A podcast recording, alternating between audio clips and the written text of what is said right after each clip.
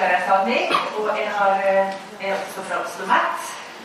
Og jeg er fra norsk seksjon på Oslo Met. Her er min lille plan for dagen. Jeg skal også minne om hvorfor kritisk tenkning nå, eller det er vel heller sånn vi klarer ikke la være å tenke på hvor viktig det er med kritisk tenkning akkurat nå i disse tider. Så skal jeg si litt om hvorfor argumentasjon er en del av kritisk tenkning. Og selvfølgelig så må jeg gå inn på selve argumentasjonen, og hva er det å argumentere. Så det vi alle sikkert venter på, det er den lista over vurderingskriterier. Hva er sterk og feil argumentasjon? Og det er ingen enkel sak, men jeg skal nærme meg en sånn liste. Eh, så har jeg eksempler med meg. Jeg har eksempler fra småunger små unger i barnehagen. Femåringer. Uh, opp til uh, ja, Det var ikke så veldig høyt i gangen her, da. Åttende trinn. Jeg kunne like gjerne hatt eksempler fra norsk valgkamp. For det er egentlig mitt studieobjekt å med norsk valgkamp og hvordan politikere argumenterer. Men jeg er veldig opptatt av hvordan små barn begynner å argumentere, og hvordan disse argumentasjonsferdighetene vokser sammen med barnet. Ja, dette her har jo både han Erik og Kirsti og Eli sagt mange ganger allerede i dag. Hvorfor er det så viktig med kritisk tenkning akkurat nå? Eh, det dere har sagt mye om, det er jo at ja, vi har økt tilgang til informasjon i informasjonssamfunnet. Eh, vi har også økt mulighet til sjøl å både produsere og spre informasjon. Og Det har kanskje ikke vært så mye fremme akkurat i dag, men tenk alle ganger vi og elevene våre produserer og sprer retwitrer, ikke nødvendigvis på Twitter, men vi sprer uh, informasjon ved å trykke på knappen. Så der ute i verden med en gang. Uh, og vi har også det at informasjonen uh, er jo av varierende troverdighet. Ikke tro på alt vi verken ser eller hører. Og det er jo også sånn at det innholdet gradvis virker. Og når jeg skal ha det skikkelig gøy, så følger jeg Donald Trump på Twitter. The real Donald Trump Twitter-siden. Og så sitter jeg og kjører sånne timer om igjen om igjen der han sier noen ting en gang og noen ting en annen gang. Og så blir det bare sånn her er nesten verdens mektigste mann, og som spriker alt det han sier. Ja, og så er det også det, syns jeg, at uh, all den tilgjengelige informasjonen vi får, det gir jo oss et sosialt ansvar for å handle. Jeg tenkte på det når du kom med den store hvalen din, hvis det var en hval, da. Nå er ikke naturfagslærer, men la oss si det var en hval, stor fisk, full av plast. Hva kan vi gjøre? Vi slutter opp i Gladhaug. Eller skal gjøre noe? Det er et eller annet som berører oss når vi ser sånne bilder. Og i kritisk. Uh, og så gjorde vi selvfølgelig omfanget av fake news i det postfaktuelle samfunnet. Så eh, over de å undervise elever i å tenke kritisk. Og nå har jeg skrevet 'i å tenke kritisk' i stedet for kritisk tenkning. Jeg tror liksom det at det, det å undervise i kritisk tenkning Alle vet jo det. Det står ikke i timeplanen. Men jeg syns jo med å skrive det sånn, da, så kommer det tydelig frem at det er mer en væremåte, en tilnærming til hvordan man ser på informasjon, og hvordan man forholder seg til min egen og andres informasjon. Og, og, det er jo da selvfølgelig, det har vi allerede sagt, at mål kritisk tenkning eller å tenke kritisk er et mål både i nasjonale og internasjonale planer. Men fremdeles, da, selv om at det har vært snakket om dette i mange mange år, som dere har vist, så er det å være en utfordring å undervise elever i å tenke kritisk. Og her er en liten studie som er gjort, uh, empirisk studie, norsk studie, som viser at avgangselever på videregående skole undersøkelse føler seg utfordret til høyere utdanning. Altså til å begynne på universiteter og høyskoler. Og vi som jobber på universiteter og høyskoler, vi vurderer jo våre nye studenter, kanskje ikke bare den nye en gang, altså, sine kritiske eller sine ferdigheter i kritisk tenkning som utvikla. Så til tross for at det her fokuset som har vært i mange år, så er det slik da at uh, allerede universitetsstuderende, høyskolestuderende, er kanskje ikke helt modne i kritisk tenkning. Uh, Erik har vel sagt, og kanskje også Erik og Kirsti, at det er jo ingen enhetlig definisjon. Men det er jo et vanskelig begrep, så kanskje ikke kan vi forvente det heller. Men likevel så er jo det eh, Jeg vil vise én definisjon som kan si oss hva vi kan legge inn i i en mulig definisjon som kanskje vi en gang skal utvikle sammen med andre eller dere hvem det måtte være. I hvert fall disse elementene uh, i kritisk tenkning det kan være å opparbeide en målretta, selvregulerende dømmekraft. dømmekraft som gjør oss i stand til å tolke, analysere, evaluere og trekke slutninger, samt å forklare, føre bevis, forstå begreper, metoder, kriterier og kontekstuelle faktorer som virker inn på beslutninger vi gjør minner vi litt med veldig mye av det vi gjør i norskfaget. Så jeg føler meg litt sånn på jernbane, fordi at vi ser jo på informasjonen i tekster, og vi ser på kontekst når vi både leser og tolker tekster. Så jeg tenker da Kritisk tenkning det må jo da være å ha dømmekraft og være bevisst på hva som virker inn på beslutninger som vi tar. Ergo. Ergo er et sånt sånn peker, ikke sant? Ergo. Da har vi argumentasjon å gjøre. Å lære elevene å tenke kritisk innebærer å lære elevene å vurdere argumentasjon både sin egen argumentasjon og andres argumentasjon. Og eh, det å vurdere argumentasjon og informasjon, eh, det er jo da selvfølgelig en type kildekritikk. Og kildekritikken eh, blir det gjort en del av ute i skolene, og det innebærer å se på sannhet, se på troverdighet, se på vitenskapelighet og logisk konsistens i det som kilden eh, sier. Ikke sant? Men kritisk tenkning er mer enn kildekritikk. Uh, og arbeidet med kildekritikk er jo vanlig i skolen. Nå har ikke vært i alle disse klasserommene, men vi ser at å arbeide med kildekritikk er blitt vanlig. Men kritisk tenkning er mer enn å arbeide med kildekritikk. Så vi må definere og klargjøre eh, kritisk tenkning, både i læreplanene, det kommer til å bli gjort, og for elevene våre. Og det må bli tydelig hva som menes med kritisk tenkning innenfor de forskjellige fagene, og hvordan dette skal støttes i undervisninga.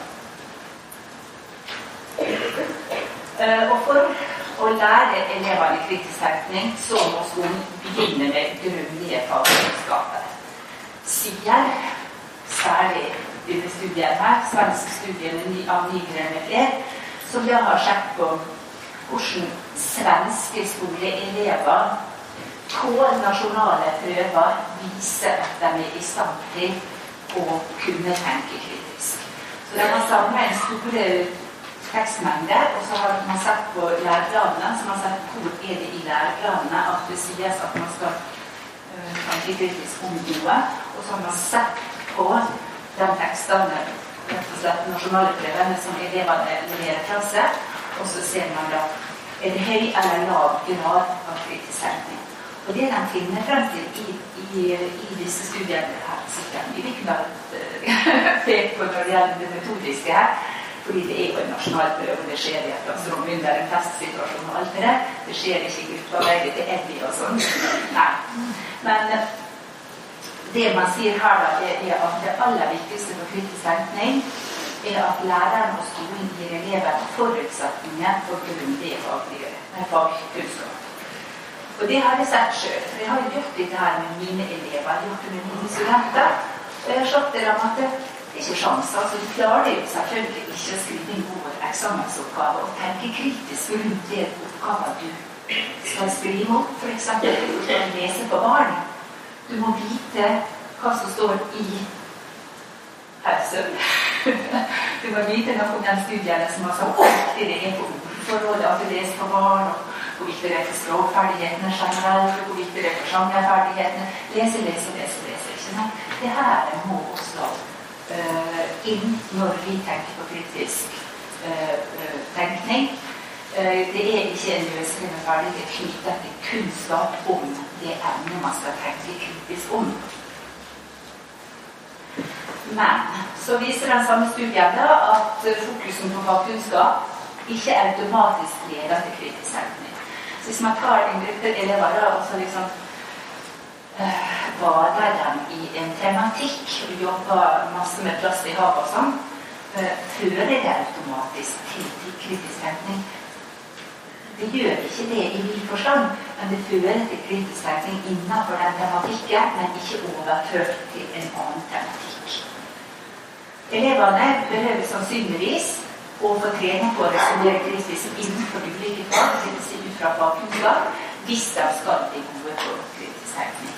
Så hvis du er kritisk tenker, en skikkelig god kritisk tenker i naturfag, så er ikke det sikkert at du er det i uh, hva skal si norskfaget. Ja. Så skal jeg da gå over til argumentasjon, som jeg da mener er en bestanddel, en viktig bestanddel i kritisk tenkning. Og begynne med en definisjon som er allment akseptert. Argumentasjon er en sosial, en intellektuell og en verbal aktivitet som vil begrunne eller avvise en oppfatning. Veldig generelt. Men det jeg syns er mer viktig å peke på her, er at det neste punktet. Argumentasjon består da Den står alltid i prinsippet, hvis du liksom kler av all annen eh, språkbruk, så består det av to ytringer eller to setninger. Den ene uttrykker et standpunkt, altså det du mener. Og den andre setningen eller andre ytringa, den uttrykker begrunnelsen eller argument eller premiss. Så det er komplekst. Det er ikke bare å si det er fint vær i dag og ferdig med det. Nei. Eh, du sier f.eks. Vi bruker eksempel her. Vi må slutte å fly. Ja vel. Det er standpunktet. Det er den ene ytringen. Det neste fordi det ødelegger klimaet. Og her kunne jo jeg drevet og spurt dere har vi andre argument for at vi skal slutte å. Eh, eller bare ett argument Og da, for å da vise at jo mer vi kan om saken, jo flere argument får vi. Men det som må være til stede i argumentasjon, det er det vi mener, standpunktet, og det vi sier for å begrunne det. Det er formelen, eller det er definisjonen. Men i praksis så har jo mange politikere og barn, og du og jeg og alle sammen, vi går ikke alltid ut og begrunner det vi mener. Så for å hva skal si, allmenngjøre det her, da, Eh, hvis du ser på norsk valgkamp, så er det mange politikere som bare sier det de mener, uten at de begrunner. Men vi skal jo frem til begrunnelsen, frem til sammenhengen mellom standpunktet, vi mener, og en begrunnelse. Og så da er det også slik at i en og samme tekst så kan det være ett standpunkt, altså må slutte å fly, eller Oslo må bli en bilfri. Det kan godt være bare det standpunktet i min, mitt leserinnlegg. Eh, men det kan også være sånn at eh, en tekst eller en ytring har flere standpunkt. Eh, og da blir det, særlig når vi fører lengre resonnement, så blir det da slik at disse sier Oslo må bli en by, for det er globalt viktig at vi ikke kjører bil i byen kan jeg stoppe der og så si at det er globalt viktig at vi ikke Det er ikke sikkert verdens beste argument, men ok, eh, det er et argument. Det er globalt viktig at uh, vi ikke kjører bil i byene. For alle byer kan vi ikke ha masse biler. Kan jeg stoppe der? Jeg kan ikke det. For du vil si hvorfor det, da? Ikke sant? Det må du virkelig begrunne ytterligere. Ja, det må det. Og så må vi begrunne det her med enda nye premisser eller enda nye argumenter begrunnelser.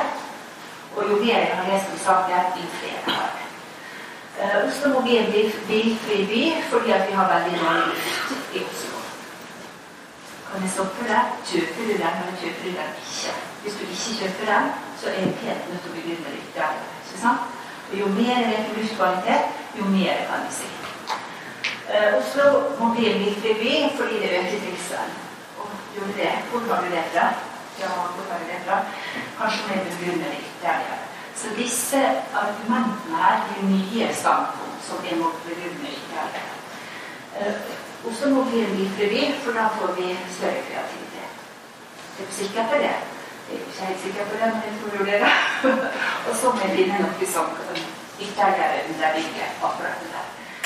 Dette blir litt sånn teoretisk, men det er bare for å vise at uh, jo mer du kan om en sak, uh, jo flere argument har du rette bredde. Så jeg kunne sikkert kjørt på med mange, mange mange flere argumenter for at det skulle bli litt bevilg. Og så dybde. Det går nedover. Begrunner, begrunner, begrunner. Og hadde jeg statistikk her, så kunne jeg kjørt på med tall, ikke sant? Jeg kunne kjørt på med ja, alt vi vet. Du må kjøre i bilen. Det var en forsmak. Uh, og så er det da hvorfor vi trenger det her. Jo, argumentasjonen omgir oss i hverdagen hele tida, privat og ute i det offentlige. Og vår argumentasjon vil jo overtale om noe.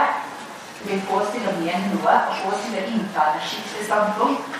Derfor så må vi være kritiske. Vi er utsatt for at en eller annen skal få oss til å mene noe som vi kanskje ikke er klare for å mene. Men i tillegg så må vi også være kritiske til egen er faktisk hva jeg når jeg prøver å saken igjennom, gjennom.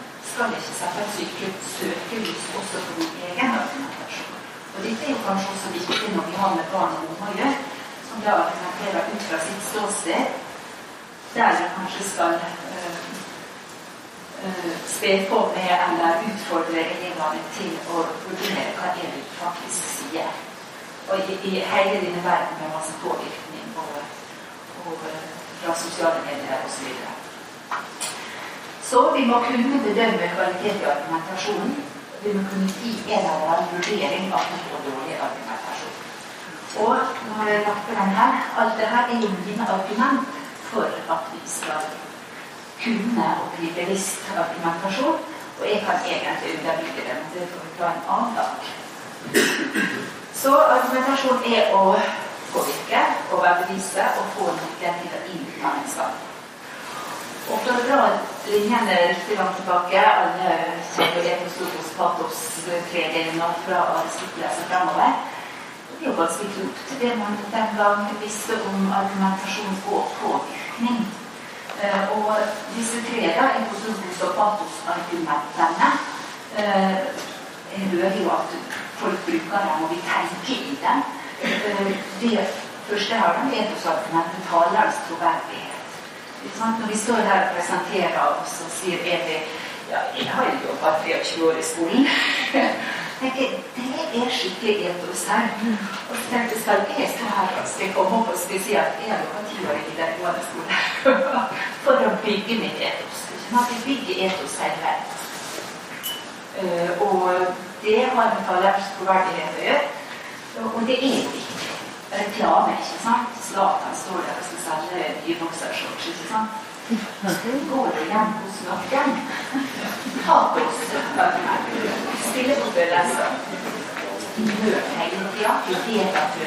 Lever. Du har nettopp sagt noe om musikken. ikke sant? Multimodale tekster og uh, flere uttrykk. Det å komme i riktig stemning skumle musikken på, på, kino og romantisk musikk på kino. Så vi er med en gang inne i det. Så så argument er det saklige. Og nå er det da slik at eh, ja, uh, noen tekster har mer Logos-argumentasjon enn andre tekster. Hvis vi står på leksikon, så finner jeg mye mer Logos-argumentasjon enn jeg finner patos og etos-argumentasjon. Men poenget er at alle elementene fins i ett og samme argument eller i en og samme tekst. Vi kan ikke si at det bare er det ene eller det andre, fordi vi spiller på alt. Så et skritt videre. fra Aristoteles og langt bort fremover til f.eks. Og hun sier f.eks. for her er det masse. Men jeg valgte denne tredelingen her til Johnson Henry. Den er enkel, den er anvendelig, og ikke eh, den lar seg operasjonalisere i klasserommet. De sier at sterke argument det er tre krav til sterke argument. Relevant? Ja, det skal være relevant argumentet som støtter standpunktet, skal være relevant. Det skal ha en sammenheng. Akseptabel. Det skal være akseptabel. Kilden skal være akseptabel. Og det skal være tilstrekkelig. Det skal være nok. Dere hører jo med en gang at dette her kanskje er slik at du vil si ja og nei til om det er både relevant, akseptabelt og tilstrekkelig, og du vil si nei. Nei, jeg er ikke enig. Så det er jo subjektivt, og det står ikke i boka. Vi kan ikke slå på og si at så og så mange argumenter må du ha for at det skal være tilstrekkelig.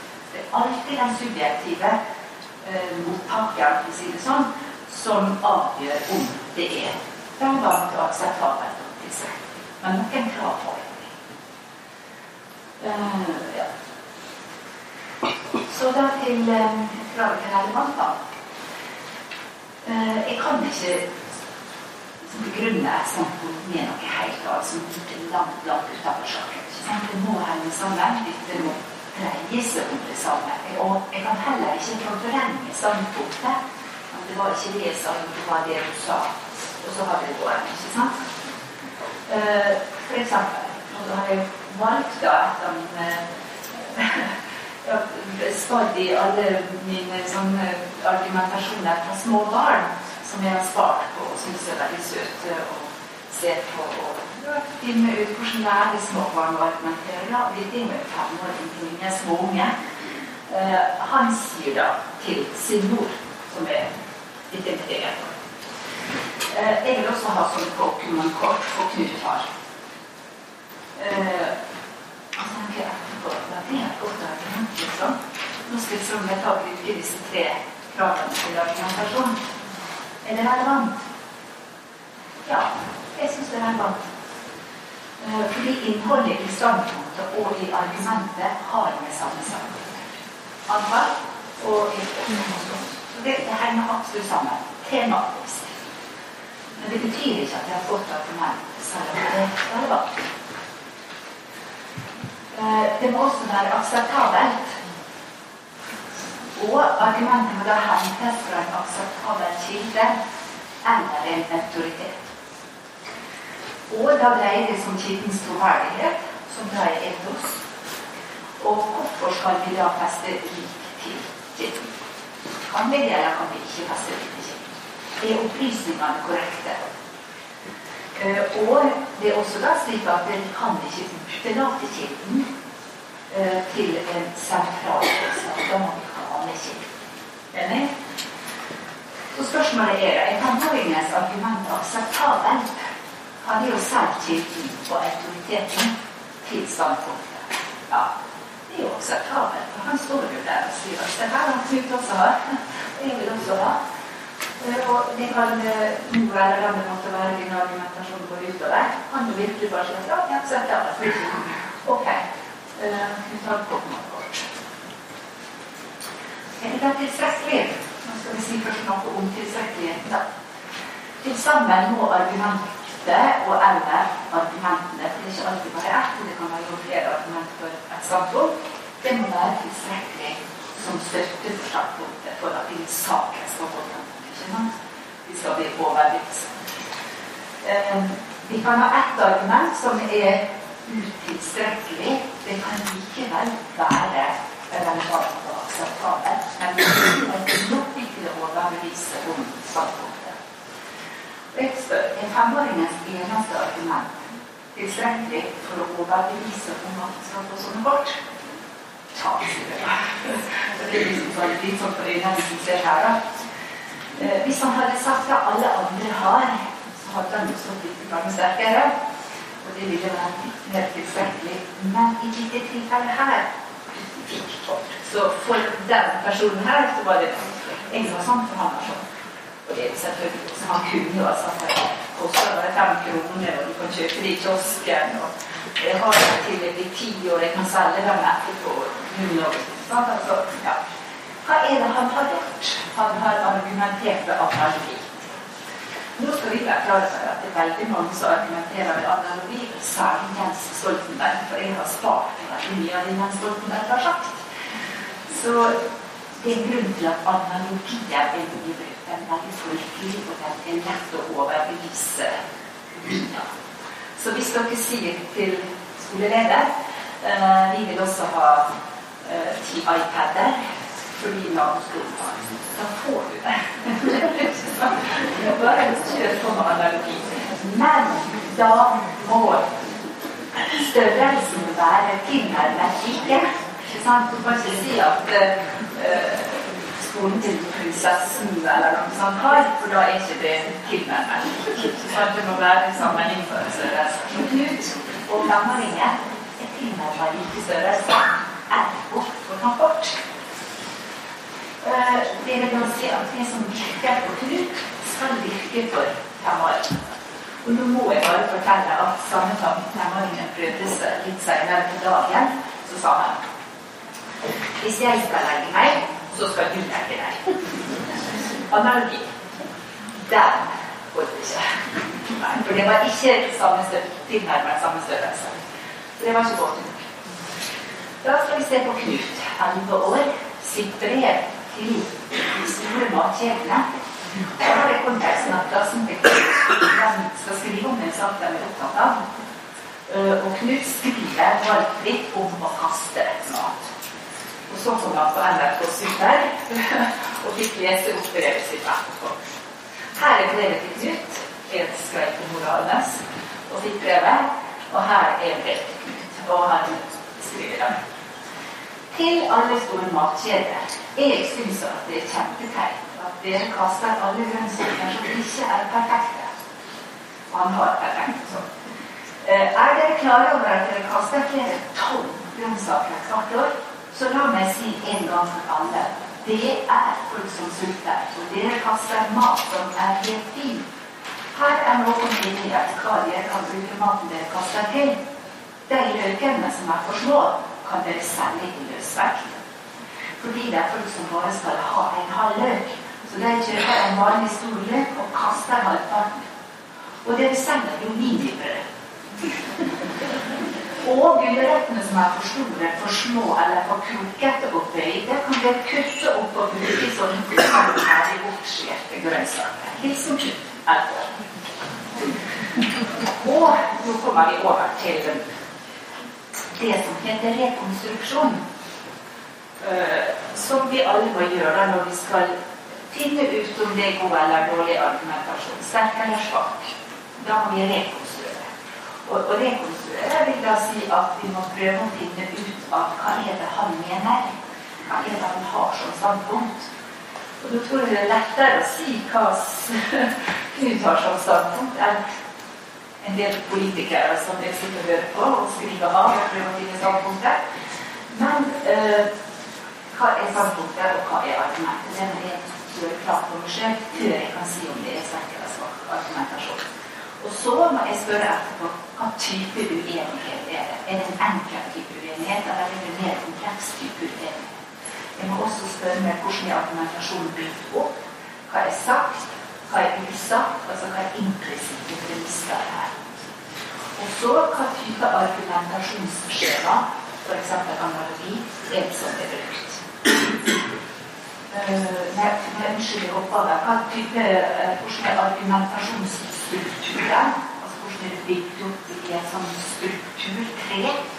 Og skjema som er brukt, f.eks. analogi, eller årsak-virkning, eller det som heter symptomatisk skjema. Det vil si da en egenskap ved en ting gjør slik at du tror på eller ikke tror på den tingen. Og det er litt sånn fordomsfullt. Vi kan se eksempler på det. jeg kommer tilbake til det. Men vi skal først se på da arbeidet med å rekonstruere.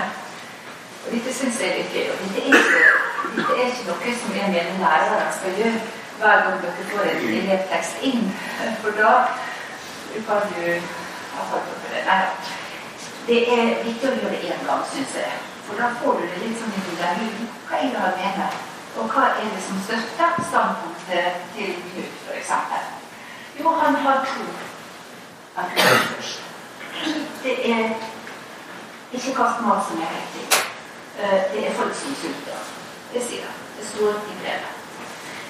Eh, og så sier han at maten kan brukes. Og så kan vi stoppe der. Ja vel. Sier han noe mer om det argumentet? Det er folk som sulter. Nei, han sier ikke mer. Han slipper den tråden. Men han kunne jo ha sagt at, han sagt at det, vi kunne jo kjøre denne maten ut til f.eks. gamle som sulter på sykehjem. For det blir jo noen sultne folk på sykehjem. Og vi kan gi det til den ene og den andre som sulter. Men han gjør ikke det. Han fokuserer på de andre, for han har jo sånt prosjekt. Så si, vise på hva en kan gjøre eh, med maten som kan brukes. Og argument to, maten kan brukes, det er ytterligere begrunnet i beretning. Ser dere? Går bortover. Nye argument. Små løk kan selges i løsvekt. Og gulrøtter som man forstorer, små krokete og brøyde, kan kuttes opp og brukes i koser. Den er ikke argumentert for ytterligere. Den står ubegrunna videre. Og kanskje fordi han syns det er så godt at jeg trenger ikke si mer. Han vet at dette her er egentlig et veldig godt argument. Så hvorfor brette det ut enda mer? Men denne små løk kan sendes i løs vekt, det underbygger i det.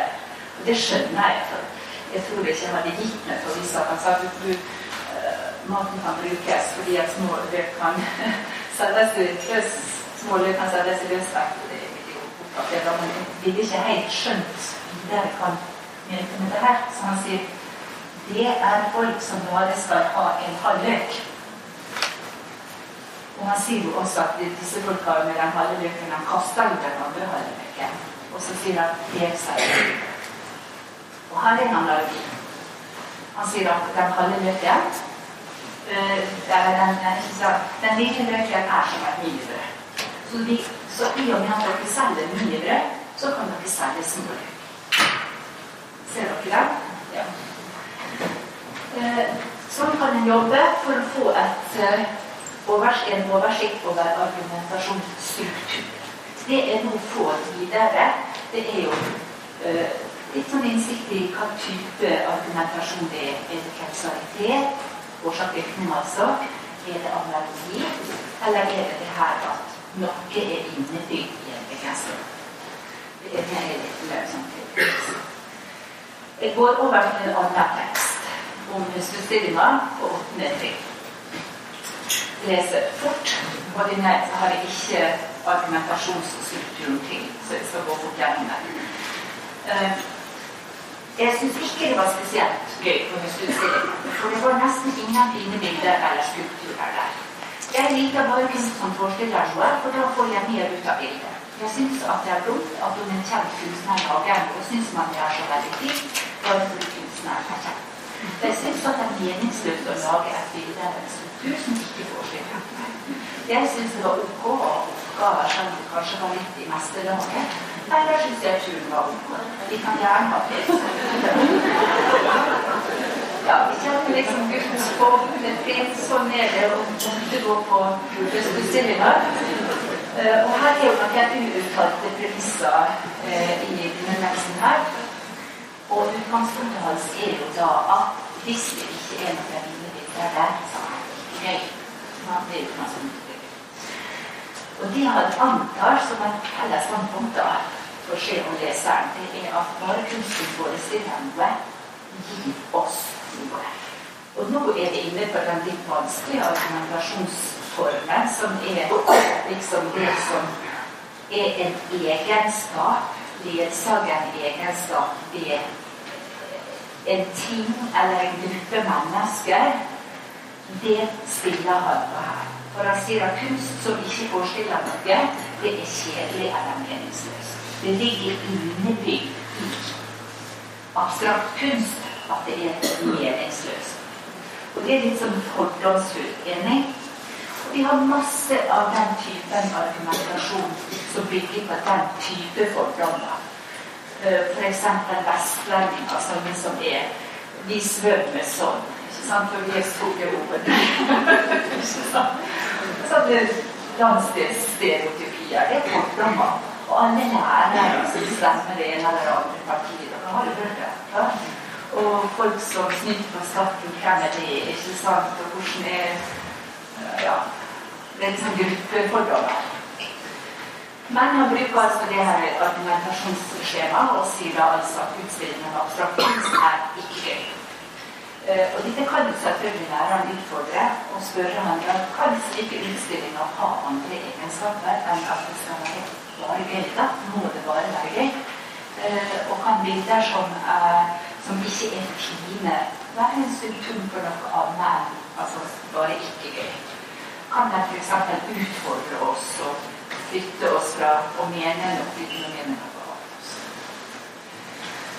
Så vil vi nærme oss kanskje ikke akkurat helt slutten, da, men jeg vil i si at eh, når jeg tenker argumentasjon og argumentasjonsarbeid med argumentasjon i klasserommet, så henger det for meg sammen med demokrati. Arbeidet med demokrati. Og jeg tenker også at Eh, den politiske dimensjonen av demokrati, det er mye mer enn bare partipolitikken. Eh, den handler om alles rett til å delta i samfunnsdebatten og ha medbestemmelse på skolen og arbeidsplassen. Og kunne gjøre veloverveide valg. Eh, vi skal også selvfølgelig velge dem som skal representere oss jeg bruker argumentasjon også når jeg skal ta mine egne valg. Da bruker jeg jeg har vel sagt det for og imot eller pro og kontra. Altså ja eller nei til noe. Skal jeg sykle på jobben, eller skal jeg gå? Det er litt enkelt, det er ikke så dramatisk. Men skal, skal jeg kjøpe meg en Skal jeg kjøpe, sånn, skal jeg kjøpe piggdekk på sykkel? Det er sånn som det står i nå har jeg argumenter for piggdekk på sykkel og argumenter mot piggdekk på sykkel. Ja, jeg har begge deler, og jeg driver og ennå ikke har bestemt meg. Promokontralist er du har et valg. Og dette kan gjøres, brukes i klasserommet. Bare flytte det rett til hva er det lurt å gjøre. Men du må veie, som du sa, kanskje kan du med mindre barn være mer fornøyd med at du kan si ja og nei, eller pro og kontra. Og så kan du se på når det er på høyere klassetrinn, så kan du ha flere perspektiv inne. Men i alle fall, da eh, Jeg mener jo da allerede i skolen så må elevene få trening i å søke opp og vurdere argumentasjon. Og argumentere med standpunkt med godt underbygde argument. Og få trening i å lytte til andre, få trening i å se saken fra flere perspektiv, slik at vi kan skille mellom person og også sak. Og vi gransker argumentene. Og jeg, hører på disse i den svenske undersøkelsen som da sier at eh, det er veldig står veldig svakt til svenske elevers uh, kritiske tenkning, sånn som vi kan lese den ut av nasjonale prøver. Den sier også at innenfor klasserommets ramme så finnes det arenaer der elevene regelmessig kan trene på ferdigheter som samfunnsborgere. Vi har et klasseråd vi har tillitsvalgt, vi har elevråd. Det er mer det formaliserte, strukturerte som vi har i klasserommet. Men selvfølgelig det er jo også i fagene muligheter for sosiale rom der vi kan diskutere og debattere. Eh, og i norskfaget så er jo tekstene der for at vi både skal drøfte og mene noe. Eh, og det jeg har gjort med egne studenter, det er å ja, rett og slett litt sånn som vi kanskje har sagt at vi ikke skal gjøre. Men vi har liksom trent på å argumentere, da. Uh, også fordi det kan være litt gøy. Også det å Og da har vi kanskje ikke nødvendigvis hoppa over det faglige innholdet, for det har vi ikke gjort. Men jeg har putta f.eks. sånne standpunkt i en skål eller i en hatt. Og så har studentene kommet, og så har de. Det har altså bare med skole å gjøre, og liksom rundt skolen. Og da får de liksom to minutter på seg til å argumentere spontant for et standpunkt. Og da tegner vi opp da argumentasjonsstrukturen. Hvor mange argument har du for f.eks. mobiltelefon på skolen? Skal det være lov å ha mobiltelefon på skolen? Og bare tenk hva dette kan sette i gang hos elevene av bevisstgjøring. Eh, og også faglige kunnskaper om mobilbruk. Nå er ikke da, men det er sikkert noen argument fra medisinsk og det er selvfølgelig argumenter fra, fra mer psykologisk hold. Det er sikkert argumenter fra ja, jeg skal ikke ut på det. Men en sånn liste eh, Dette hiver ut nå bare for å kritisere at det, her er jo dagligdags eh, si, temaer som det kan være aktuelt å diskutere og ta stilling til for å synliggjøre hva er det vi har av argumenter når vi skal bestemme oss for et ja eller nei i denne saken. Da tror jeg jeg er ferdig. Ja. Da er det tid for uh,